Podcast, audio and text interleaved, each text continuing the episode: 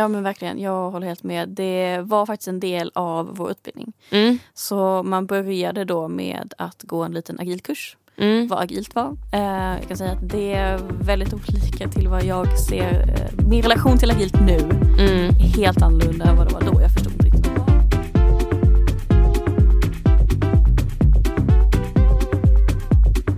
Du lyssnar på Datatjej Podcast. Datatjej är en ideell organisation för icke-binära och kvinnor som gillar data och IT. I första säsongen fokuserar vi på hur man kan bli en datatjej. Vad finns det för utbildningar och vad kan man jobba med? Genom säsongen får du höra hur olika datatjejer halkat in i vår värld. För dig som känner dig nyfiken och undrar hur du kan bli en datatjej helt enkelt. Jag som är host heter Gabriella Norman. Välkommen!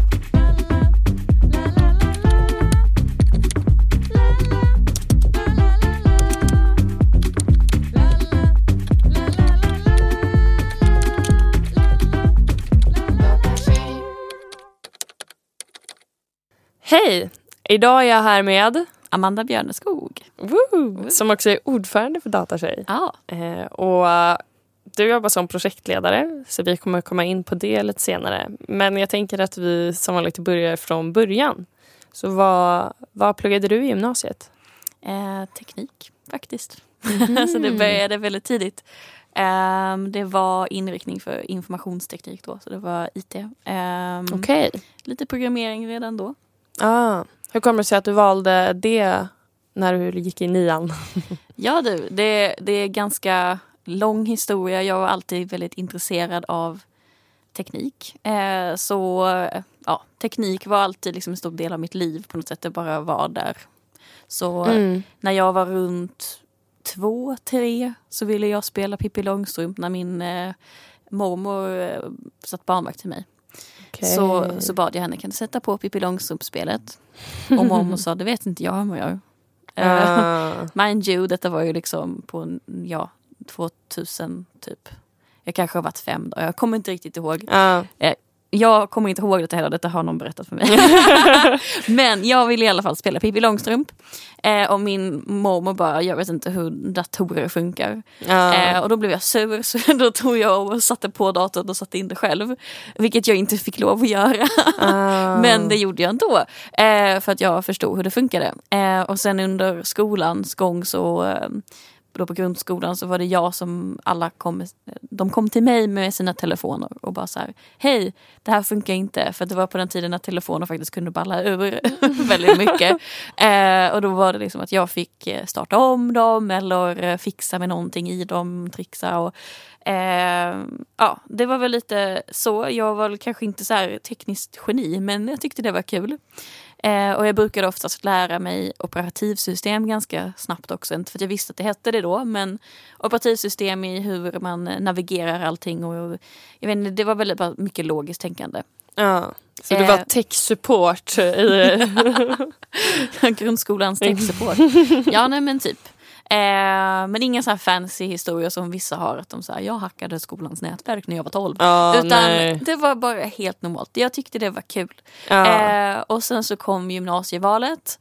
Eh, och då var det lite så här, okej, men jag vill ju utbilda mig vidare. Jag tycker skolan är rolig. Jag vet inte vad jag tänkte, men jag tyckte skolan var rolig då. så eh, då ville jag utveckla, eh, utbilda mig vidare. Eh, så då var det då, okej, men natur eh, är väl det jag tänkte på då. Och sen så sjöng jag lite så jag ansökte faktiskt till estet också. Eh, och sen så hade de en, på min skola som jag då gick på, då hade de en tacokväll. Där för tjejer Mm. som var intresserade av IT. Så då gick jag på den här tacokvällen, fick lite gratis tacos. Väldigt Gott. trevligt. Ja. eh, och så fick jag träffa de tjejerna som gick på teknik. Ah. Och då bara så här, ja men gud vad kul att få lära sig mer om teknik. Eh, och slippa biologi och fysik. så det, det tyckte jag var väldigt trevligt. Så då gick jag det för att när man då var färdig med teknik så kunde man ju, eller man kunde söka till alla olika alltså ingenjörsprogram. Ja. Eh, inte läkarlinjen men alla ingenjörsprogram. Ja. Och det var väl det jag hade tänkt mig så det var mitt solklara val. Mm. Eh, och så, så började min resa inom IT ganska snabbt. Ja men nice. Men vad tyckte du var roligast i skolan när du gick i gymnasiet? Då? Um, när jag gick i gymnasiet. Vilken bra fråga. Det var nog... jag var lite knäpp, jag tyckte om matte. Eh, sen... det, det gjorde jag med, det är inte så knäppt. Nej, men det, när man tänker efter nu, bara, jag vill inte räkna men jag tyckte om det då. Eh, jag älskar och... fortfarande matte. Okej, okay. I'm sorry. I'm more weird than you. ja. Nej men det var väl matte och sen så tyckte jag också det var väldigt roligt med eh, utveckling, alltså eh, koda. Ja. Eh, det tyckte jag var kul i början. Speciellt när man då fick fram någonting. Alltså man gjorde någonting som man själv hade skapat. Mm. Det var väldigt häftigt. Mm. Um, så då, då gjorde vi lite webbutveckling och sen lite C-sharp-utveckling. Mm. Väldigt basic. Jag gjorde ett ja. memory-spel. nice. ja. Men eh, när du var klar med gymnasiet då och skulle börja plugga, vad, när du började kolla på utbildningar, vad letade du efter? Liksom, vad var du sugen på? På samma sätt som jag trillade in på ett bananskal till eh, teknik på gymnasiet så eh, var det lite så här, jag ville göra någonting som var brett. Eh, jag hade ingen koll på vad eh, civilingenjörer var. Jag visste inte vad det var. Jag visste inte vad högskoleingenjör var. Jag visste inte någonting. Systemutvecklare, vad är det för någonting? Eh, jag hade ingen aning om vad någonting var. Mm. Eh, för jag visste inte vad datatjej var. Nej men så jag, eh, jag lyssnade väl väldigt mycket på mina kompisar och de hade väl kollat på att flytta till Karlskrona. Eh, för där har de BTH, väldigt många bra utbildningar. Eh, och då hittade jag en som heter Software Engineer. Och det var Mm. väldigt, så här, väldigt brett, högskoleingenjör. Eh, en bachelor på, man kunde välja om man ville ha filosofi eller eh, vetenskaplig. Ehm, jag fick då den vetenskapliga. Eh, Mm. För den med filosofi då var det ett utbyte och jag valde att inte göra utbytet. Ah, okay. Ehm, Så det, var, det enda skillnaden är att man har lite mer matte. Ehm, så ja, så det, det var väldigt brett. Ehm, man jobb, gjorde allt möjligt från att utveckla till att eh, jobba i teams och förstå design och eh, olika metoder med usability och sånt där. Mm. Eh, så det var, väldigt brett och det var därför jag ville eh, gå det. Så det var väl så jag hamnade på min utbildning. Mm. Ehm, ja. Ja, men nice. Vad var roligast när du pluggade? Då? Vad var liksom de roligaste ämnena? ja, jag kan väl säga att jag var inte ett stort fan av högskolan. så jag var ganska bara glad att det var över. Men eh, det var väl roligt med ehm, programmeringen, att faktiskt bli bättre på det. Mm. att eh, få utvecklas inom det som jag trodde att jag faktiskt aldrig skulle bli bra på. För att det var en period där jag tänkte att nej men gud, jag kan inte bli utvecklare. Det här är jättekrångligt. Mm. Eh, men då eh, kan jag säga att det var då jag gick på min första datatjejkonferens. Mm.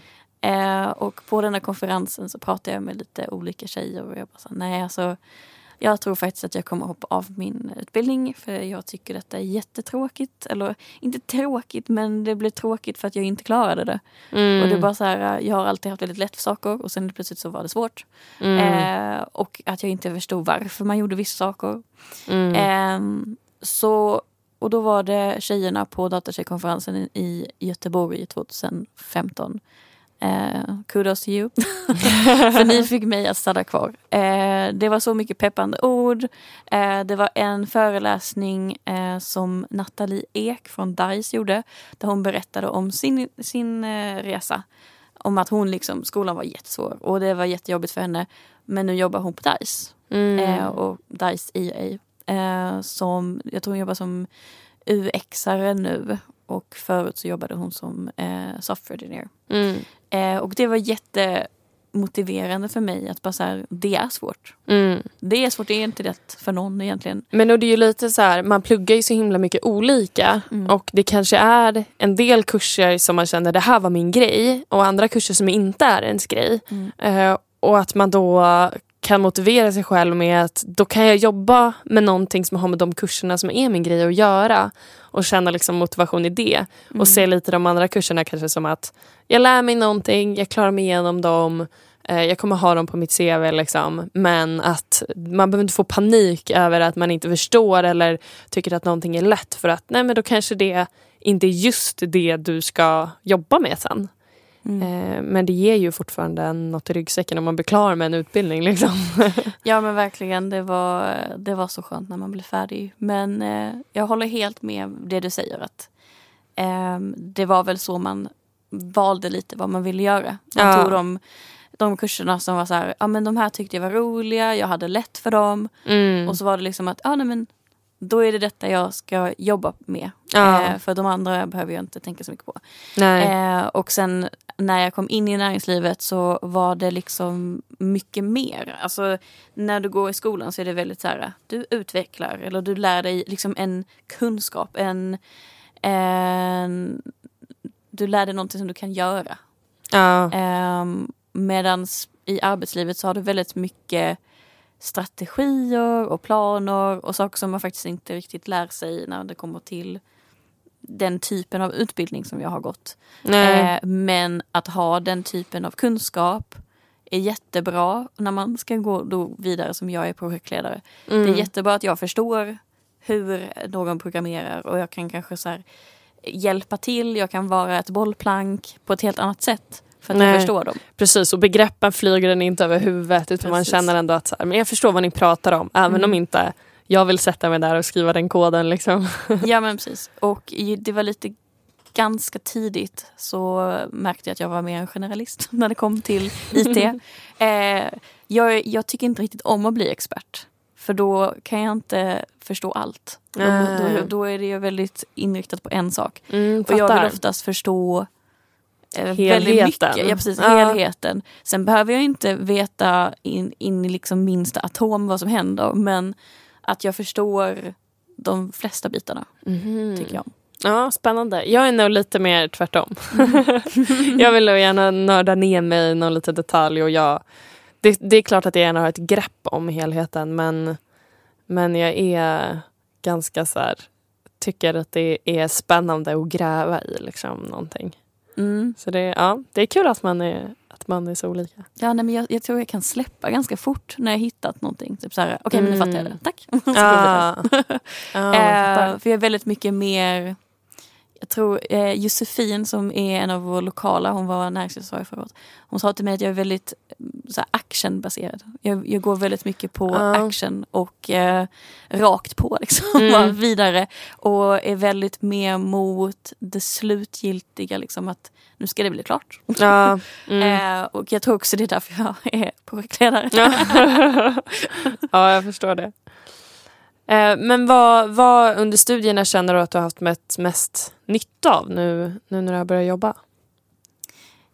Um, ja, så först under gymnasiet så hade vi praktik och då hade jag eh, möjligheten att få gå på eh, Microsofts kontor. Eh, mm. gå, gå, bakom eh, en kvinna där och eh, det var jättekult för det var ju en helt annan typ av praktik. Alla andra gick ju typ ja, men, gick i en telefonbutik och lärde sig om telefoner och jag bara ja. så här, jag är på kontoret i Köpenhamn. så här, och det var, det var jättehäftigt. Eh, och, och det var en väldigt lärorik eh, händelse för att då fick jag lite mer så här, okej okay, det det finns en mycket större värld ute. Mm. Eh, och det var lite det som också ledde mig till min breda utbildning sen. Mm. Eh, för att jag ville kunna liksom göra allt. Ja. och sen eh, under utbildningen så ehm, var det väldigt lärorikt. Vi hade projekt där vi jobbade i grupp.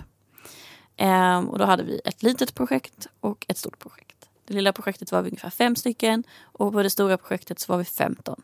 Mm. Eh, och då jobbade vi ihop för att göra en slutgiltig produkt eller mm. en, en uh, pilot som funkade. Liksom. Mm. Eh, och nu vet jag ju alla de här begreppen i och med att jag jobbat men då var det väldigt som att man, man gick blind i mörker. Typ. Och så mm. bara så här, vad gör jag? Mm. Eh, men det var också väldigt lärorikt i att Eh, kunna jobba med andra människor, faktiskt kunna använda de kunskaperna man har lärt sig i någonting konkret. Mm, ja men det tyckte jag också var väldigt kul. Jag tror jag läste nog bara en projektkurs. Mm. Men det kan jag verkligen tipsa om man, om man liksom pluggar någonting och eh, ja, men som har med utveckling att göra eller så. Eller annars också. Att, att faktiskt ta en, en projektkurs där man får prova och liksom göra någonting. Och gärna en lite större. Jag tror att min var inte jättestor så jag kände att min projektkurs var lite för liten. Jag tror kanske att min var nio högskolepoäng eller sånt där. Mm. Och jag har hört de som har så här 15, att då hinner man mer. Liksom. Min var 15. Ja, så har man så här, i kandidater så brukar man ofta ha kanske 15 valbara poäng eller något sånt där. Då, det är verkligen tips. Finns det en sån kurs Mm. så, så är det om man inte har något annat man verkligen, verkligen vill läsa. Ja, Så är man osäker, ta en sån för då får man ju prova på också allt man lärt sig i andra kurser. Liksom. Och träna lite extra. Och man kan ju då, det finns ju som sagt olika roller i ett sånt typ av projekt också. ja men verkligen, jag håller helt med. Det var faktiskt en del av vår utbildning. Mm. Så man började då med att gå en liten agilkurs. Mm. Vad agilt var. Eh, jag kan säga att det är väldigt olika till vad jag ser. Eh, min relation till agilt nu Mm. är helt annorlunda än vad det var då. Jag förstod inte riktigt vad det var. Men vi kanske ska berätta om vad agilt är för någonting. Ja men självklart. Agilt det är ju ett sätt att tänka och förstå saker snabbt. Det är om du kollar upp ordet agilt. Men det är också ett, eh, en metod inom projektmanagement som används väldigt mycket då inom mjukvaruutveckling. Eh, där man eh, tar olika tasks och eh, bryter ner dem till mycket mindre beståndsdelar. Sen finns det även olika eh, då agila frameworks och frameworks är ju bara guidelines, eh, riktlinjer som man kan följa. Mm. Eh, så, och det finns ju jättemånga olika eh, typer av de här guidelinesen. Mm. Eh, och eh, ja, man kan ju vara lite frälst av de olika. jag gillar Scrum, jag är Scrum Master certifierad. Eh, och eh, det innebär då bara att man följer Scrum-frameworket. Och eh, Scrum i sig eh, är nog det mest använda. Om, eh, Mm. Ja, jag jobbar också i Scrum. ja men precis. Så eh, när det kommer till projektmanagement inom IT så, så ser man då det agila sättet att arbeta på från eh, ett agilt manifest som gjordes 2001. Mm. Eh, och då var det bara en samling gubbar som samlades någonstans i USA eh, och bestämde eh, lite regler. Och eh, jag kan översätta dem på svenska så gott jag kan. Men de är på eh, engelska. Så det är eh, individer och interaktioner över processer och eh, tools. Och det innebär då att det är viktigast att man fokuserar på att människorna i teamet mår bra och att de kommunicerar och att ingen missförstår varandra över att man använder eh, processer. Processer är viktigt men det är inte lika viktigt som att alla de i teamet ska må bra och eh, förstå varandra. Mm. Eh, tools är också viktigt att man använder rätt tools. Eh, men om folk inte pratar med varandra då kan ni inte ens använda tools. Så Nej, lite... då spelar inte det någon roll. Precis. Eh, så det är den första. Den andra är eh, fungerande mjukvara över eh, dokumentation. Mm. Och här är det ju då att ja, men om din mjukvara inte funkar, varför ska du dokumentera den då? Eh, men såklart så är dokumentation jätteviktigt. Mm. Men har du ett val där du eh, sitter här, okej men eh, vi har ingen dokumentation, eh, vi måste börja dokumentera och så kommer eh, testarna och säger alltså det är kaos, det är buggar överallt. Mm. Då är ju buggarna otroligt mycket viktigare än att du ska sätta dig och dokumentera. Mm. Så. Eh, det var den andra. Den tredje är eh, kund eh, collaboration. Så kund Samarbeten. Precis. Eh, över kontrakt eh, negotiation. Förhandling. eh, och här är det då att i agilt arbete så stirra sig inte blint på kontrakten och vad ni har bestämt. Man, man- bestämmer en sak och sen så kommer man bestämma något annat nästa dag. Mm. Eh, för saker och ting förändras hela Mm. tiden. Så när du samarbetar med en kund så är det jätteviktigt att vara agil. Att förstå kunden, att hela tiden jobba tillsammans med dem och inte jobba emot varandra. Mm. Det är jätteviktigt i agilt arbete. Eh, och det låter kanske jätte så här, ja men hallå, goddag yxskaft, det är klart det är. Men när man sitter i en situation där det är så här, men vi har bestämt det här. Alltså det är svårt. Alltså, Mm. man, man känner hela tiden att men, nu bestämde vi detta, vi, vi kan inte gå över den gränsen att liksom bryta vad vi bestämt. Sen bara, men om det är det bästa att faktiskt bryta vad vi bestämt för att få ett bättre eh, samarbete, då tycker jag att man gör det. Ja, ja men om man, om man Ofta så tror man att man vet vad man vill ha Mm. och sen så jobbar man lite, eh, utvecklarna håller på med en produkt och sen så inser kunden liksom ett tag in att okej, det ni har gjort nu det var inte riktigt det vi ville ha, vi insett nu när vi ser det Mm. och då behöver man liksom uppdatera. Eh, och det är det jag tycker är lite skärmen. Jag är inte projektledare och ingen expert på agilt eller scrum men ehm, när det liksom är arbetssättet, när man arbetar i det så är det att man, man planerar ganska små som i alla fall i Scrum kallas för sprintar. Mm. Eh, som man liksom jobbar i en eller två eller tre veckor och har bestämt vad man ska göra då. Utvärderar och sen så eh, kan man, man har liksom inga långa grejer som är så här, ah, nu ska jag jobba på den här grejen i tre månader. För då när man är klar med den efter tre månader så kanske man inser att okej, det var inte alls det här vi behövde. Precis. Utan att man kan jobba med det i två veckor och sen se en, okej här är en liten, lite början på det, en liten prototyp och så kan man inse redan då att det här kommer inte funka. Liksom. Ja. Eh, och det är ju... Ja men att man alltid återkommer och det, jag kan gå in lite på scrum sen för det, det du beskriver är ju väldigt scrum. Ja, Eh, men vi det, kan- det är också agilt stort men när det kommer till då att, att återkomma så Mm. är det ju, jag vet inte om lyssnarna har sett det men det finns ju den här cirkeln som man ritar upp väldigt mycket, att det, det går runt hela tiden. ja, Ehm, och att eh, det är ju som du säger den här sprinten att man återkommer ju till samma ceremonier eller samma då möten mm, eh, hela tiden. Eh, jag har en sista och det är faktiskt också vad du pratar om just nu. Det är att man... går i förväg. Ja men precis. Det är responding to change och här är det lite svårt att man man, man ser förändring och man tar action. Alltså man, man gör någonting åt när man ser en förändring. Mm, Eh, och, eh, och detta är då över att följa en plan. Och det var precis det du sa. mm, Planer kan förändras, eh, produkten kanske inte alls är det som eh, användarna vill ha. Mm, Då är det ju jätteviktigt att man återkommer. Eh, och när det kommer till de flesta agila processerna så har man ju en demo i slutet av varje sprint. mm, Eh, och sprinten är en två veckors period, ungefär två till tre veckors period mm, som man jobbar eh, med då en backlog av tasks som man då sätter in i sin sprint backlog. Eh, och eh, då jobbar man på dem endast. Så man kan ju ha jättemycket to-dos. mm. Men just i den sprinten så fokuserar vi på Det, det, här, Ja, och precis, det precis. ska vi få klart. Ja, det här ska vi göra. Vi skiter i det andra, det tar vi sen.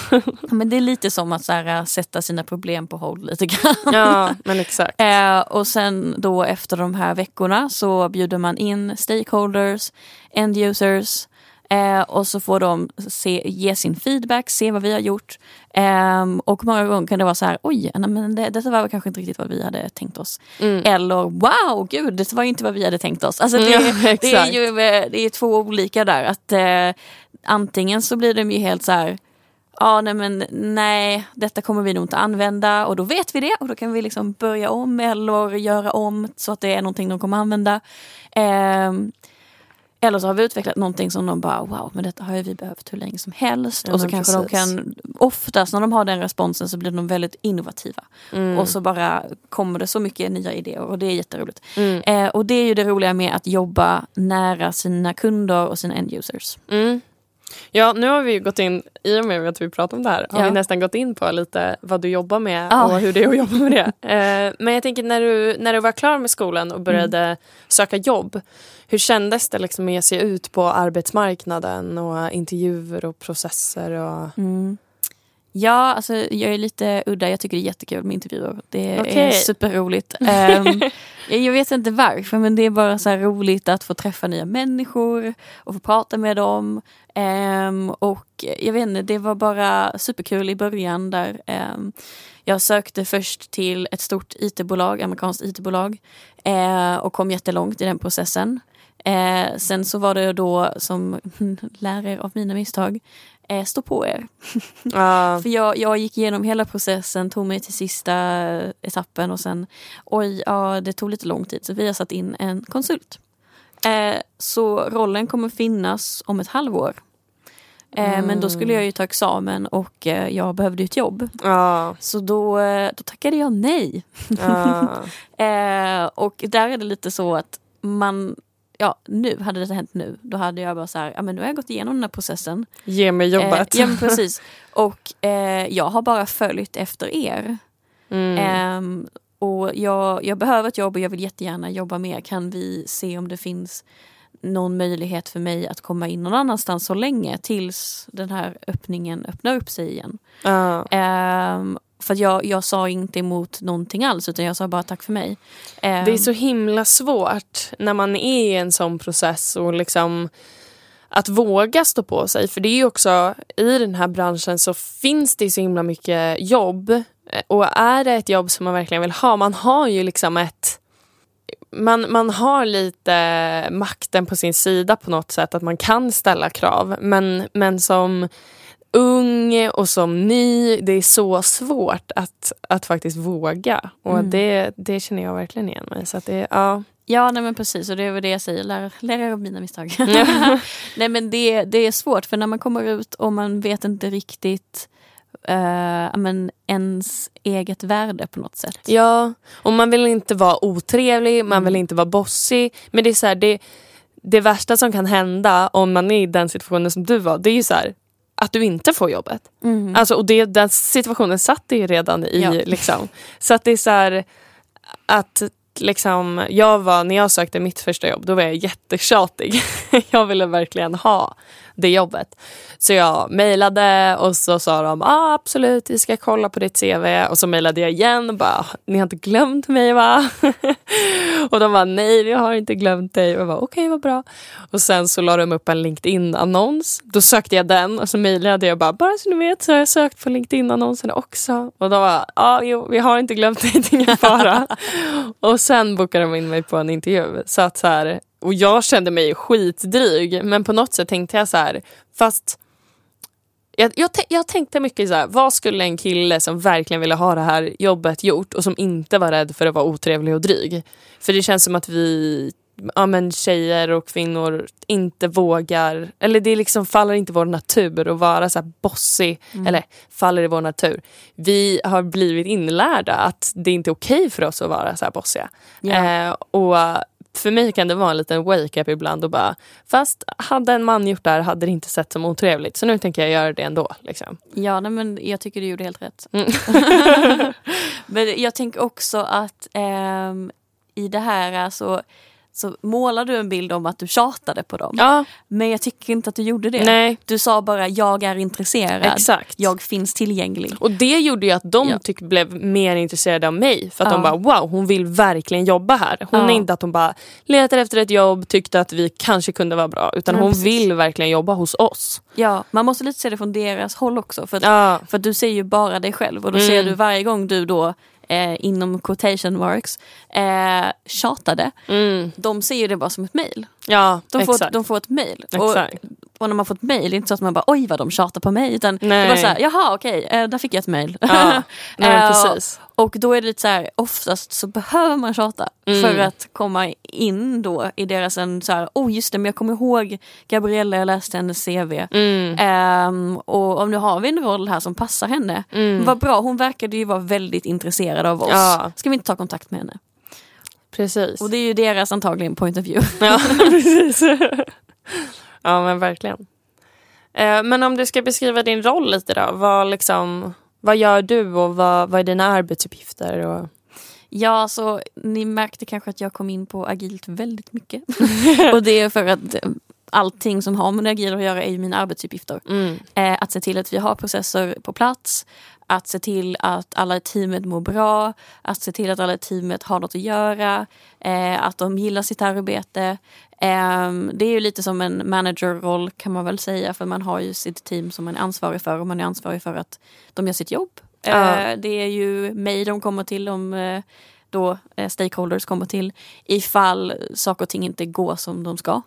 Det är ju mig och eh, product ownern eh, pro, projektäg, produktägarna. Ja, Så. för det kan man ju säga lite att en produktägare har mer fokus på produkten och en scrum master har mer fokus på teamet. Precis. För att inte, om, om det är samma person så kan det ju bli att den pushar teamet jättemycket och jobbar jättehårt för att Ja. den ser till produktens välmående. Och det kallas inom agilt conflict of interest. Ja, eh, och det är någonting man inte vill ha så därför brukar man dela upp det i roller. Mm. Men sen så kan man ju ha en conflict of interest ändå. Vi kan säga typ att eh, du har ditt eget konsultbolag. Ja. Eh, men du jobbar just nu i ett projekt eh, där du också anställer dina konsulter. Eh, då har du helt plötsligt en conflict of interest i det att du vill att dina anställda ska prestera. För du jobbar ju med dem och då kan det bli att eh, ditt fokus är inte på att produkten ska bli bra. Din, ditt fokus är på att ditt företag ska se bra ut. Ja. Mm. Eh, och det är ju en lite conflict of interest där. Eh, sen så, din, din version var ju ett klockrent exempel på conflict of interest. Mm. Eh, när man liksom, man gör någonting eh, för sitt eget bästa intresse. Ja. Och eh, ja, det är conflict of interest. Ja, men precis. Det planeras in jättemycket som ska göras varje sprint för att man har så mycket man behöver göra. Men, men om det finns en scrum master där som kan säga nej men hörni, de kommer inte hinna med det här. Utvecklarna har ingen chans att hinna skriva allt det här. Det Precis, ju- man är som en liten protector. Ja. Eh, ju när jag gick min certifiering så fick vi höra servant leader. Ja. Så det är ju en, en ledare som är um, lite mer av en, eh, man, man hjälper till där man behövs. Eh, och man, eh, man står upp för dem. Eh, och sådär. Det är ju inte den här uh, peka med hela handen utan det är verkligen, man är vänner med sitt team. Man Mm. ser till att eh, de mår bra. Det, det är jätteviktigt för mig och mental eh, hälsa också. Mm. Att man inte stressar för mycket. Ehm, och då är det ju viktigt att man inte har en produktägare som bara, nej men ni ska, ni ska klara allt, alltid. Utan ha någon som förstår att livet eh, är inte så förutsägbart. Ja, men precis. Men också att jag antar, hjälpa till med om, det, om man har någon, liksom, något problem som utvecklare eller en blockare. Att man behöver någon, någonting från någon annan. Mm. Eh, att en scrum kan hjälpa till liksom, och, och kommunicera. Och... Ja men verkligen. Men, eh, men vad har du för planer och drömmar framöver? Vad skulle du vilja jobba med i framtiden? Ja, det är, det är en bra fråga. Jag har många idéer men jag ser ändå mig själv som product manager. Eh, och det är två steg över då Scrum Master och eh, då brukar man ha ansvar över en stor business unit. Och då är det oftast flera olika produkter, flera olika teams. Eh, så man har någon slags helhetsvision istället. Eh, jag jobbade lite med en product manager på Ikea och jag tyckte det verkade väldigt intressant. Fått höra väldigt mycket om det. Eh, och så har jag läst Inspired som vi hade på vår sån här uh, bok... Eh, ja, på Tipsa sociala om medier. böcker på precis. Instagram. Det var Ja. mitt tips. Och det är liksom en, en sån här uh, bok som gjorde mig lite, lite frälst. Ehm, och eh, det handlar om då hur man eh, hur man gör smarta produkter på ett smart sätt som kunderna älskar. Ja. Eh, för det, det är lite som ett, ett fokus från ett customer perspective och typ eh, end users perspective. Mm. Det är de som kommer använda det. Mm. Eh, och, och det är så himla viktigt. Jag ser många product manager glömmer lite det. Ja. Och så tänker de på att vi ska ha den häftigaste produkten någonsin. Ja men vad gör en häftig produkt om ingen använder den? Ja. Eh, och det är lite det som är så otroligt viktigt och så otroligt spännande också Mm. att sätta sig in i. För det finns så mycket aspekter i det. Hur når vi ut till våra eh, end users och ehm, att ha de här olika designaspekterna, att man har våra UXare med oss och ehm, ja, men jobbar ihop med alla de här olika grupperna för att få en helhetsvision Mm. framåt. Ehm, och sen också att man får jobba mycket med människor eh, och antagligen coacha mycket människor. Jag tycker det är också väldigt kul. Ja. Eh, så, så det är väl lite vad jag drömmer om och eh, kanske även jobba utomlands hade varit jättekul. Oh, nice. Ja. Ja, men tack för idag, Amanda. Tack själv. Jag vill också tacka Tom Gorren för introt och Sonica Studio för att vi får spela in här. Tycker jag att alla ska bli medlemmar eh, i Datatjej på datatjej.se. Eh, så kan ni följa oss på Instagram, Facebook och LinkedIn. Där heter vi Datatjej. Och har ni några frågor, förslag eller tankar om podden eller någonting annat så är det bara att mejla mig på medlem.datatjej.se. Tack för idag.